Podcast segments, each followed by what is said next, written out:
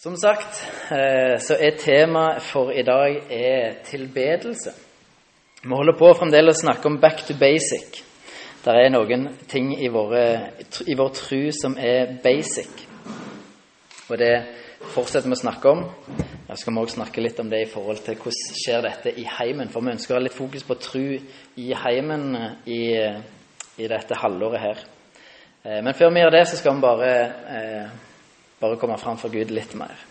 Gud, eh, vi har bare lyst at du skal bli levende for oss akkurat nå. Vi har lyst til at du skal at du skal være den som får vår tilbedelse. At du skal være den som får all ære i våre liv. Bare be om at du skal, at du skal møte oss, at du skal snakke til hjertene våre akkurat nå, Gud. Be om at du skal blåse liv i de ordene som jeg har tenkt å si. At det kan bli noe som blir til forandring i våre liv. Bare ber jeg om at vi skal få lov til å være et folk, en familie, som tilber deg først og fremst, Gud. Må du komme og gjøre ditt verk i våre liv. Bare legge dette i dine hender. Amen. Tilbedelse. Den basice Den basic det, det, som er basicen i vår tro, er at vi skal være skapt for å tilbe Gud. Når Gud, når Gud skapte mennesket, så skapte han oss for at vi skulle tilbe Gud. Og Hvis du leser i, i Bibelen om Adam og Eva, så betyr ikke dette at de sprang rundt og lovpriste Gud støtt og stadig, eller sang, men de, de, var mennesker. Det var måten de tilbød Gud på. De var mennesker helt og fullt og gjorde det mennesket skal gjøre. Så det er det vi, vi var meint til å gjøre, å tilbe Gud. Eh, og I dag skal vi snakke litt om det. Og da, det betyr, Når vi snakker om tilbedelse, er noen som tenker ja, da skal vi snakke om lovsang. hele akkurat som lovsynger. Det, det, er ikke det jeg skal snakke om i dag. Selv om det er en fin måte å tilbe på, eh, så er det ikke det vi skal snakke om akkurat i dag. Men vi skal se litt på hva er det vi faktisk tilber. Eh, ordet tilbedelse, bare for å ta litt sånn grunnleggende får han videre. Oi sann, det er ikke der engang. Ordet tilbedelse det betyr å bøye seg for noen. Altså du legger deg unna noe eller noen. Når du bøyer deg for, for noen, så er det en anerkjennelse av deres makt og autoritet over ditt liv. Det er tilbedelse. Så det du tilbyr, tilber, det er noe som du, du sier at dette har makt over meg, dette har autoritet over mitt liv. Så hvis, hvis, vi tilber Gud, så betyr det at vi sier Gud, du har autoritet, du har makt over mitt liv. Jeg bøyer meg for deg. Jeg legger meg unna deg. Og Jeg har lyst å eh, helt i starten å begynne med et sitat fra en som heter David Foster Wallace. Jeg tror jeg har brukt det før en gang, men det er utrolig bra. For det, det en, han her er ikke en kristen. Han, han, var en eh, ganske anerkjent lærer, eller professor et eller annet sånt, i USA. Men han sa dette her. I de daglige skyttergravene i voksenlivet er det faktisk ikke noe som heter ateisme. Det er, noe, det er ikke noen som ikke tilber. Alle tilber. Det eneste valget vi får, er hva vi skal tilbe. Og den overbevisende grunnen til å kanskje velge en slags gud eller åndelig type ting å tilbe er at stort sett alt annet du tilber, vil spise deg levende. Hvis du tilber penger og ting, hvis det er der du finner virkelig mening i livet, vil du aldri ha nok. Aldri føle at du har nok. Det er sannheten. Tilbe kroppen din og skjønnhet og sexappeal, og du vil alltid føle deg stygg. Og når tid og alder begynner å vises, vil du dø en million dødsfall før de endelig sørger over deg. Så her er en, mann som ikke tror på Gud, men han sier at alle tilber. Alle mennesker tilber. Spørsmålet er hva er det du tilber? Og så er det sånn at Selv om jeg, jeg kaller meg kristen, så betyr ikke det at jeg tilber Gud alene. Selv om du kaller deg kristen, så betyr ikke det at du tilber kun Gud. For det er fullt mulig å tilbe andre ting, og dette er ikke en sånn enten-eller, men dette er en glideskala, hvis vi kan si det. Det kan være ting i våre liv som vi tilber, som tar for stor plass, kanskje mer plass enn Gud tar. Ting som er så viktig for oss. Og Det skal vi se litt på i dag. Og Vi skal se det i perspektivet til eh, kanskje Bibelens mest kjente person, vet ikke, utenom Jesus. Eh, Abraham er en utrolig viktig person i Bibelen. Han er en av heltene. Han er stamfar til både kristne, jøder og muslimer. Altså Han er utrolig viktig. Eh, og Abraham han bor i, når, når, vi møter han i Bibelen, så bor han i Haran. Det ligger da i dagens Tyrkia, rett nord for eh, grensa til Syria. Og Gud sier til han i første Mosebok, kapittel 12 og vers 1-3, så sier Gud til han Dra bort fra landet ditt og fra slekten din og fra farshuset ditt til det landet som jeg skal vise deg. Jeg vil gjøre deg til et stort folk. Jeg vil velsigne deg og gjøre navnet ditt stort. Du skal bli til velsignelse. Jeg vil velsigne den som velsigner deg, men den som forbanner deg, vil jeg forbanne. I deg skal alle slekter på jorden velsignes. Så Abraham han bryter opp fra det trygge. Altså all, all, Hans utsikt for velstand og fred og trygghet alt det der, det på en måte ofrer ham, og så fyller han Guds kall. Men samtidig så har han også fått et løfte da, om at Gud skal gjøre ham til et stort folkeslag. Problemet hans er at Sara ikke kan få unger. Men Abraham han reiser i tro. Eh, og dette var et enormt stort steg å gjøre det som Abraham gjorde. Faktisk så er det det første i historien at noen bryter ut av en syklisk eh, mønster på den tida der. Det er forskerne liksom Wow, Abraham, enten er kristne Dette er svært. Han bryter ut av et mønster. Det, det gjorde det ikke på den tida. Han er den første. Så Abraham ofrer, men samtidig sånn et håp om å få en sønn. Eh, og nå er historien om Abraham er kun ti kapittel, ca. Men fra Gud gir løfte om en sønn, og fram til at Isak er født Isak er da sønnen som han får. Fra den tid løftet er gitt til Isak er født, så går det 25 år. Og det er ganske lenge å vente det. Ca. 25 år. Hva gjør det med en mann, og spesielt i en tradisjon der familie betyr alt, etterkommere betyr alt? Hva gjør det med fokuset til Abraham? For få mennesker har venta sånn på en sønn som Abraham gjorde. Eh, få har venta og lengta etter en sønn sånn som han gjorde. Og dette her er ikke individualistiske Norge. Eh, på den tida så var familien alt. Etterkommere var alt. Så Abraham han har venta, han har ofra, og til slutt så får Sara en baby. Og det er til og med en gutt. Flaks. Men så er spørsmålet Har Abraham venta og ofra for Guds del eller for Isaks del? Var, var Gud bare et middel for å nå et mål? Hva var egentlig det viktigste i Abrahams liv? Eh, ting tyder på at Abrahams hjerte ikke var helt med Gud. Eh, for det kan vi lese eh, videre så leser vi at Gud, etter at han har fått Isak, så setter han Abraham på prøve. For Gud sier til Abraham eh, videre så sier han at eh, Ta din sønn, den eneste Isak, han du elsker, og dra til landet Moria. Der skal du ofre han som brennoffer på et av fjellene. Jeg skal fortelle deg hvilket. Og Kanskje når du leser det, så forstår du at det er noe galt. Det er ikke alltid vi tenker over det, men, men det som er greia, at Gud kunne sagt Hvis du hører på måten Gud sier det på, og hvordan Gud kunne sagt det på For Gud kunne sagt 'Ta Isak, dra til landet Moria, ofre han der'. Men Gud sier ikke det. Gud sier 'Ta din sønn', og hvis vi skal si på grunnspråket 'Ta din sønn, din eneste sønn, Isak, han du elsker', og dra til landet Moria'. En voldsom beskrivelse av, av sitt forhold til Isak. Og det ligger et budskap der Abrahams venting har ført til at nå betyr Isak alt for ham. Ta, ta, ta din sønn, den eneste, han du elsker, og ofre ham. Så Isak har fått plassen i hjertet til Abraham som Gud skulle hatt. Og det at Isak har den plassen, kommer til å ødelegge Isak, og det kommer til å ødelegge Abraham som relasjon til Isak. Og det som bare For å ta en parentes Det er mange som får problemer når de leser denne historien her eh, i forhold til synet på Gud. Hvordan kan Gud gjøre noe sånn som dette? Så bare for å ta den som en liten parentes Hvorfor gjør Gud noe så grusomt og setter ham på denne prøven her? Eh, og det rare er jo at Abraham går uten innvendinger. Han sier ja. Det, altså, Det betyr ikke at han syns det er veldig gøy, men han gjør det. Og hvorfor gjør han det? Og igjen så handler dette om kultur. Det er veldig viktig å forstå hvilken setting dette her er sagt i. Hvis vi skal sette dette inn i norsk kontekst, så blir det helt kokkeli munke. Det vil aldri funke.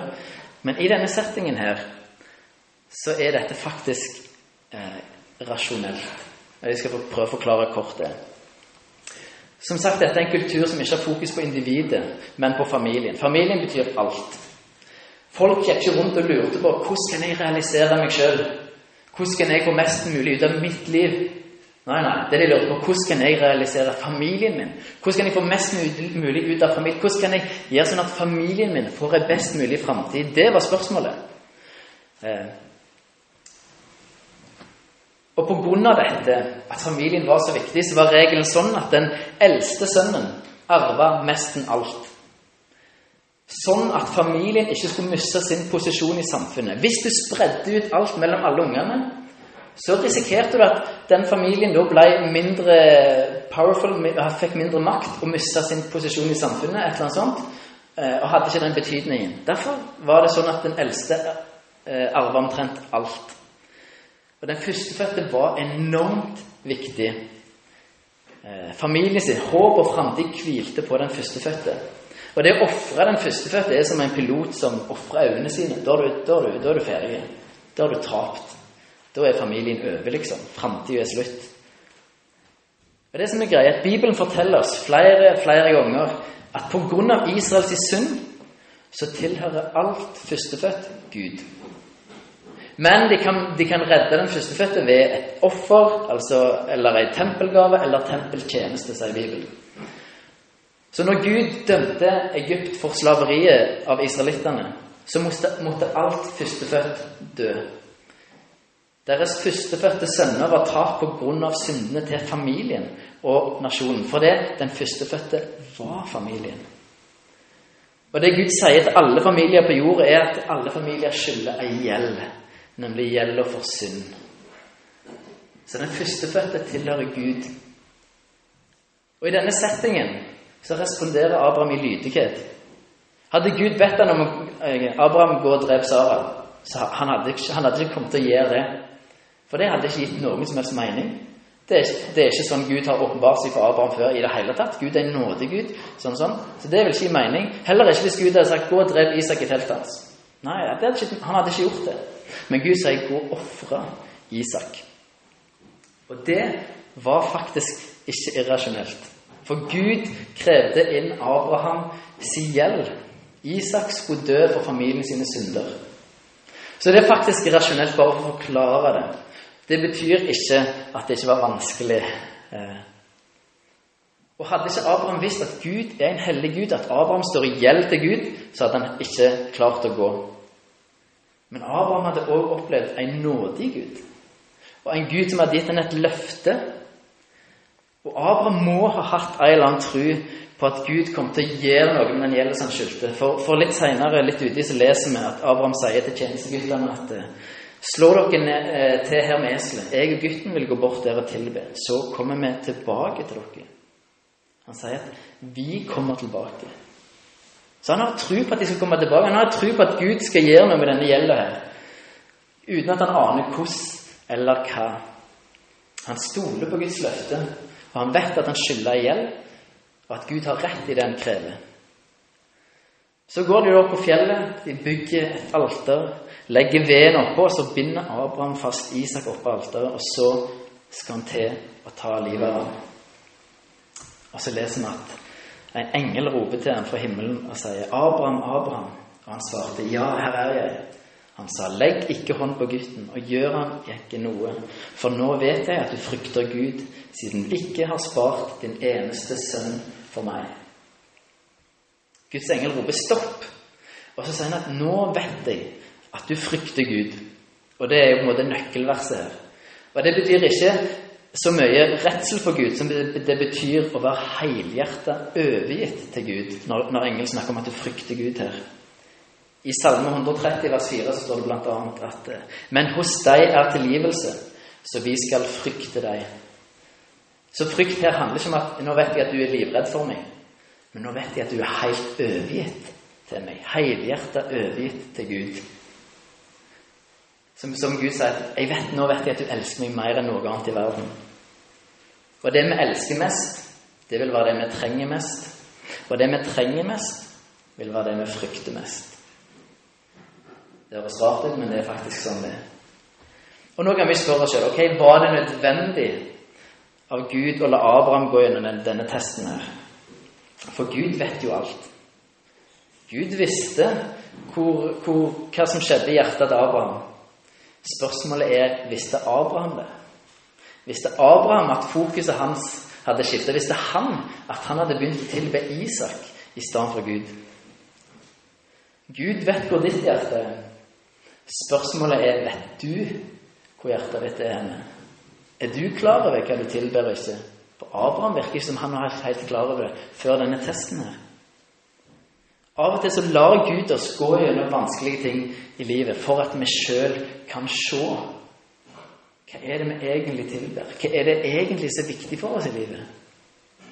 Hvis du har møtt noen som enten har hatt kreft eller eh, møtt veggen skikkelig og kom seg opp igjen, eller et eller annet, så de, sier de ofte at eh, i det mørke så forsto jeg hva som egentlig var viktig for meg. Hva som egentlig betydde noe. Eh, og det er Gud gir dette mot Abraham i sin nåde. Det er faktisk en nådig handling Gud gjør mot Abraham. Hadde han ikke gjort det, så hadde vi sannsynligvis ikke sittet her i dag. Hvis Abraham hadde fortsatt å tilbe Isak mer enn Gud, hva hadde skjedd da? Altså Det vi tilber mest, det er det som betyr mest for oss. Og hvis Isak fortsatte var alt for Abraham, så ville han enten ha overdisiplinert Isak fordi han trengte at sønnen var perfekt, eller han hadde underdisiplinert ham fordi han ikke hadde holdt ut at sønnen ble skuffa når han satte grenser osv. Eller hadde han gjort begge deler? Og begge deler ville vært katastrofalt. For Isak og for relasjonen til Isak og Abraham eh, og relasjonen til Gud. Og grunnen til at det du tilber mest altså Grunnen til dette, til at det du tilber mest, det som er viktigst i livet, det er der vil du òg finne identiteten din. Hvem du er. Og I dette tilfellet så ville Isak ha blitt identiteten til Abraham. Det var der han da ville lete etter sin glede i livet, sin mening i livet, og så lykke, og så videre, og så videre. Hensikt. Alt ville han funnet i Isak. Og det ville ha ødelagt Isak. Det ville ha vært ei byrde som han ikke hadde klart å bære, aldri hadde klart å oppfylt. Og det hadde ødelagt både Isak, og det hadde ødelagt Abraham. Og det hadde ødelagt òg relasjonen til Gud.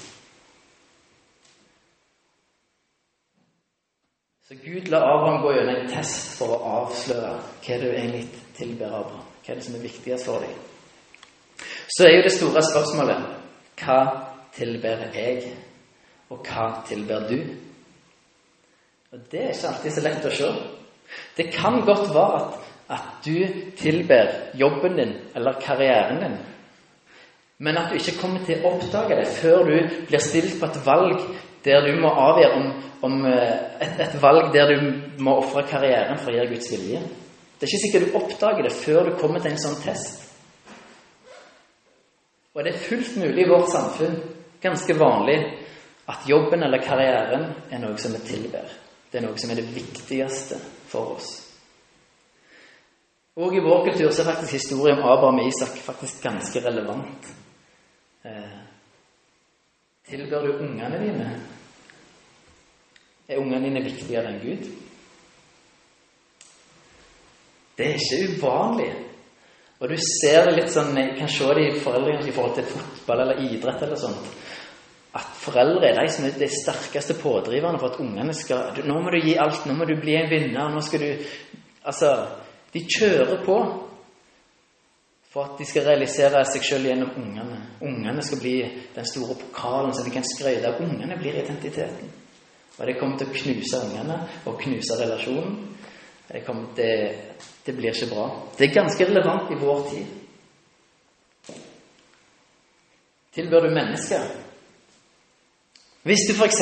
ikke våger å stå opp for det som du egentlig mener når du er i sammen med andre mennesker, i frykt for at du ikke vil bli likt, eller hvordan de vil reagere, så betyr det egentlig at da bøyer du deg. Da tilber du de menneskene det du trenger deres anerkjennelse. Du trenger så hardt at de liker deg. At du våger ikke å stå opp for det du egentlig mener. Dette, det kan jeg si, det har skjedd i mitt liv. Jeg syns det kan være vanskelig. Jeg tror du òg kan kjenne igjen at det, det er ikke nødvendigvis alltid lett. Men bare forstå at det er, kan òg være en indikasjon på at det er noe usunt i våre liv. At vi forholder oss til andre mennesker på en måte som ikke De har fått en plass som de ikke skal ha. De har fått plassen til Gud. Han er det du skal trenge. Vi tilber det som vi tror vil gi oss lykke, mening, verdi, kjærlighet osv. Og det den tingen, eller den mennesker som vi tror kan gi oss det, det gir vi vår tid, vår energi, våre ressurser. For vi tror at de har det som vi lengter etter. Vi kan tilbe mennesker fordi vi tror de vil gjøre oss lykkelige. De vil velsigne våre liv. Det er ganske vanlig, ganske, ganske vanlig i vår tid at dette skjer. Men det betyr ikke at det er sunt. Og da er spørsmålet hvordan kan vi finne ut hva vi tilber, da? Eh, og Én ting som kan hjelpe oss, det er å stille spørsmål. Er ofte en god måte å finne ut av ting på. Eh, og det er to spørsmål som jeg, som jeg opplever at dette kan være nyttig å stille seg. Og Det første var faktisk en på 1600-tallet som uttalte Han sa Hvor vandrer tankene dine når du er alene i ensomhet? Så Det er din religion. Altså hvor Hva tenker du på når du er helt alene? Det er ingenting du skal og altså I vårt tilfelle må vi si du har ikke telefon med deg. bare sånn, Ellers så drar vi opp den hvis vi er alene. Men du har ikke telefon, du er helt alene. Ingenting du skal, ingenting du må. Hvor vandrer tankene dine da? Hvor vandrer tankene dine i din alenehet, ensomhet? Altså, Da tenker ikke ensomhet at du er lei deg for at du er alene, men når du er alene, og er, det er ikke noe vondt i det, men du er alene, ingenting du må, ingenting du skal tenke på Hvor vandrer tankene dine hen da? Er det på det livet du skulle ønske du hadde, men du ikke fikk? Er det på karrieren, jobben, hvordan du kunne gjort det bedre? Er det Hvor vandrer tankene dine?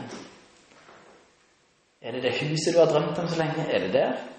Hvor, hvor vandrer tankene dine? Når du ikke trenger å tenke på noe som helst, eller har noe du må, men er alene. Det er din religion, sa han som jeg husker ikke navnet på han. Men jeg tror, jeg tror det er noe veldig viktig i det han sier der. Det er din levering. Det er det du tilber. Det kan være én måte å finne det ut på. Det andre spørsmålet er hva er det du bekymrer deg for all, aller mest for? For bekymringer er noe vi vier mye tanker, mye tid og energi til. Hva er det du bekymrer deg aller mest for?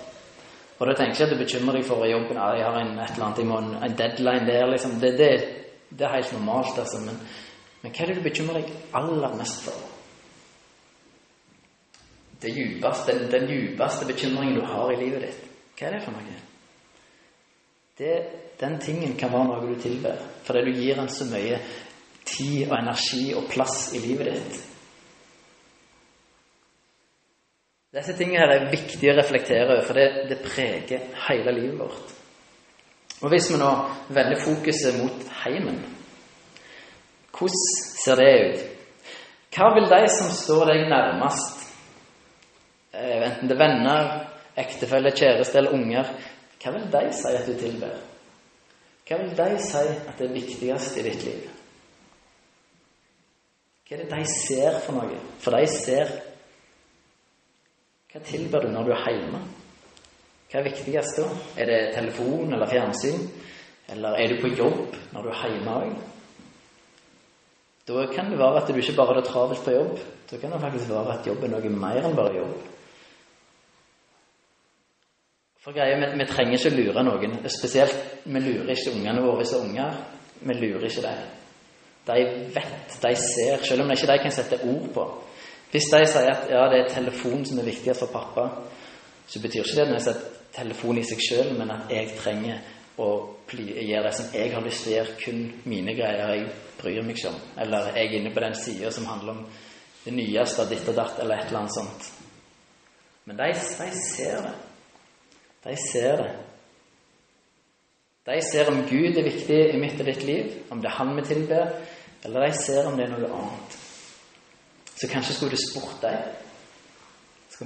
Det kan være ganske tøft å spørre. Hva vil du si er det viktigste i mamma eller pappa sitt liv? Det kan være et tøft spørsmål å stille. Kanskje kan du få et svar som gir deg en liten aha-opplevelse. Og så til slutt Det er jo ikke vits i å snakke om dette hvis vi ikke Ok, hva gjør vi med det? Hvordan kan vi gjøre noe med dette her? Og når du har funnet ut hva du tilber, det er jo første steg Vi må finne ut hva er det, hva er det vi tilber for noe. Er det noe som har tatt plassen til Gud? Som tar mer plass enn Gud, osv.? Hvordan endrer en på det? Og Da må vi gå tilbake til historien om Abraham. For Isak han ble ikke ofra. Men samtidig Abraham ofra. De fant en vær i stedet for som de ofra. Men samtidig gjelda til Abraham var fremdeles ikke betalt. Hvordan, hva var greia der? Hvordan kunne det skje? Og det som er greia, at Ca. 2000 år seinere var det en annen far og sønn som var i de samme fjellene der sønnen faktisk ble ofra for å betale all gjeld i verden. Jesus han ble ofra for å betale meg og deres gjeld. For å åpne veien til Gud. Og gjennom Jesus så fikk Guds, både Guds hellighet og Guds nåde fikk sitt utløp på samme plassen gjennom Jesus. Gud var hellig, han krevde betaling, og Gud var nådig, han ofra seg sjøl. Både Guds hellighet og Guds nåde fikk utløp. Og Det som Abraham håpte på skulle skje på det fjellet når han gikk opp med Isak, det skjedde gjennom Jesus. Og gjennom den handlingen så viste Gud en sånn enorm kjærlighet for meg og deg. Og den ubetinga kjærligheten er det som vi trenger for å tilbe Gud, og ikke alt mulig annet. Den kjærligheten er det som kan gi deg den tryggheten, den gleden og den verdien som du lengter etter. Og jeg tror at å oppleve den brennende kjærligheten som Gud har vist oss, og som Han har for meg og deg, det er det vi trenger for å slutte å tilbe feil ting. Den kjærligheten er så sterk at du ikke lenger trenger å være avhengig av hva andre mennesker syns og mener, eller deres anerkjennelse eller kjærlighet til deg, eller hva det nå er. Den kjærligheten som Gud gir deg, den, kommer, den trumfer alt. Det er den vi trenger å bli brennende i våre liv. Og det å finne gleden i Gud, den gleden som kun Han kan gi deg. Og Det kan også være lurt å stille seg spørsmålet er relasjonen til Gud er det et ork. Er det noe som gir deg et liv, gir deg glede? Har du glede i din relasjon til Gud? Det er lurt å stille seg noen spørsmål rundt disse tingene her. Men Guds ubetinget kjærlighet er det som er starten starten på å vende seg mot Gud og bare se at ok, Gud, du gir meg faktisk alt jeg trenger. Jeg trenger ikke å, å ha altså Det som mennesker kan gi meg, trenger ikke være det viktigste. Det er helt fint, det de gir meg. Men det er jo det jeg trenger, Gud. Du har gitt meg alt det som jeg egentlig lengter etter. Og jeg tror den kjærligheten er noe som må åpenbares i våre liv. I Efesene kapittel 3 så, snakker, så ber Paulus for menigheten han ber om at de må få fatte den kjærligheten som overgår all forstand. Guds kjærlighet kan ikke forstås her oppe, men kan forstås i hjertet. Jeg tror den, må, den måtte iallfall åpenbares for meg. Jeg, jeg, klarte ikke å forstå med min logikk, men hjertet mitt klarte å forstå den. Min ånd klarte å forstå den. Og jeg tror det er alt for meg, Og det er bare, men det er starten. Så hvis du ikke opplever Guds kjærlighet i ditt liv, så, så be om at Han åpenbarer åpenbare det for deg. Søk Han. Eh, vend deg mot Han. Tilbe Han. Tilbe Han for den han, alt Han har gjort for deg. For først når Gud får den plassen som Han var meint å ha i ditt liv, så vil de andre tingene begynne å gi mening og finne sin rette plass. Jobb vil begynne å få sin rette plass når Gud har fått sin rette plass. Unger, familie, eh, penger, hus, you name it. Når Gud får den plassen som han skal ha i ditt hjerte, så vil du ha et sunt forhold til de andre tingene og bruke dem på rett måte. Det er det jeg tror vi trenger. Vi trenger at Gud får sin plass, at det er han vi tilber. Så helt til slutt så har jeg bare lyst til at du skal tenke litt. Eh, reflektere litt for din egen, din egen del. Hva er det du må ha eller trenger i tillegg til Jesus? Jeg syns det er litt sånn et vondt spørsmål å, å stille meg sjøl, egentlig. Hva er det jeg må ha i tillegg til Jesus? For jeg har ikke lyst til, jeg har ikke lyst det skal være et tilfelle at jeg trenger noe annet enn Jesus. Han skal jo være nok. Han skal jo være alt. Så vet jeg at uh, det er av og til en ønsketenkning. Så hva er det du bare du må ha, eller er det som du trenger i tillegg til Jesus? Hva tilber du? Og neste spørsmål Hva tror du dine nærmeste, altså venner, kjæreste, ektefelle, barn, ville sagt at det var det viktigste i ditt liv? Hva ville de sagt at du tilber? Og du må gjerne spørre dem. Eh, hvis du våger det, så vil jeg oppfordre deg til det. Og hva er ditt neste steg for å rette mer av din tilbedelse til Gud? At han skal få mer den plassen som han fortjener, som det var meningen at han skulle ha. Hva er det neste steget? Og da spør jeg om det fordi at eh, ikke, ikke tenk bare ja, drømmen der framme at det er akkurat sånn som dette, der jeg er helt i skyene og bare tilber Gud. Eh, jeg har ikke fokus på noe annet. Altså, Tenk hva neste steg er, den ene tingen som jeg kan få til. Som er logisk, som er rett for meg å ta. Hva er det neste steget? Skal vi lede meg nærmere Gud, og at Han får mer den plassen som Han skal ha i mitt liv? Hva er det neste steget? Tenk, tenk på det. Eh,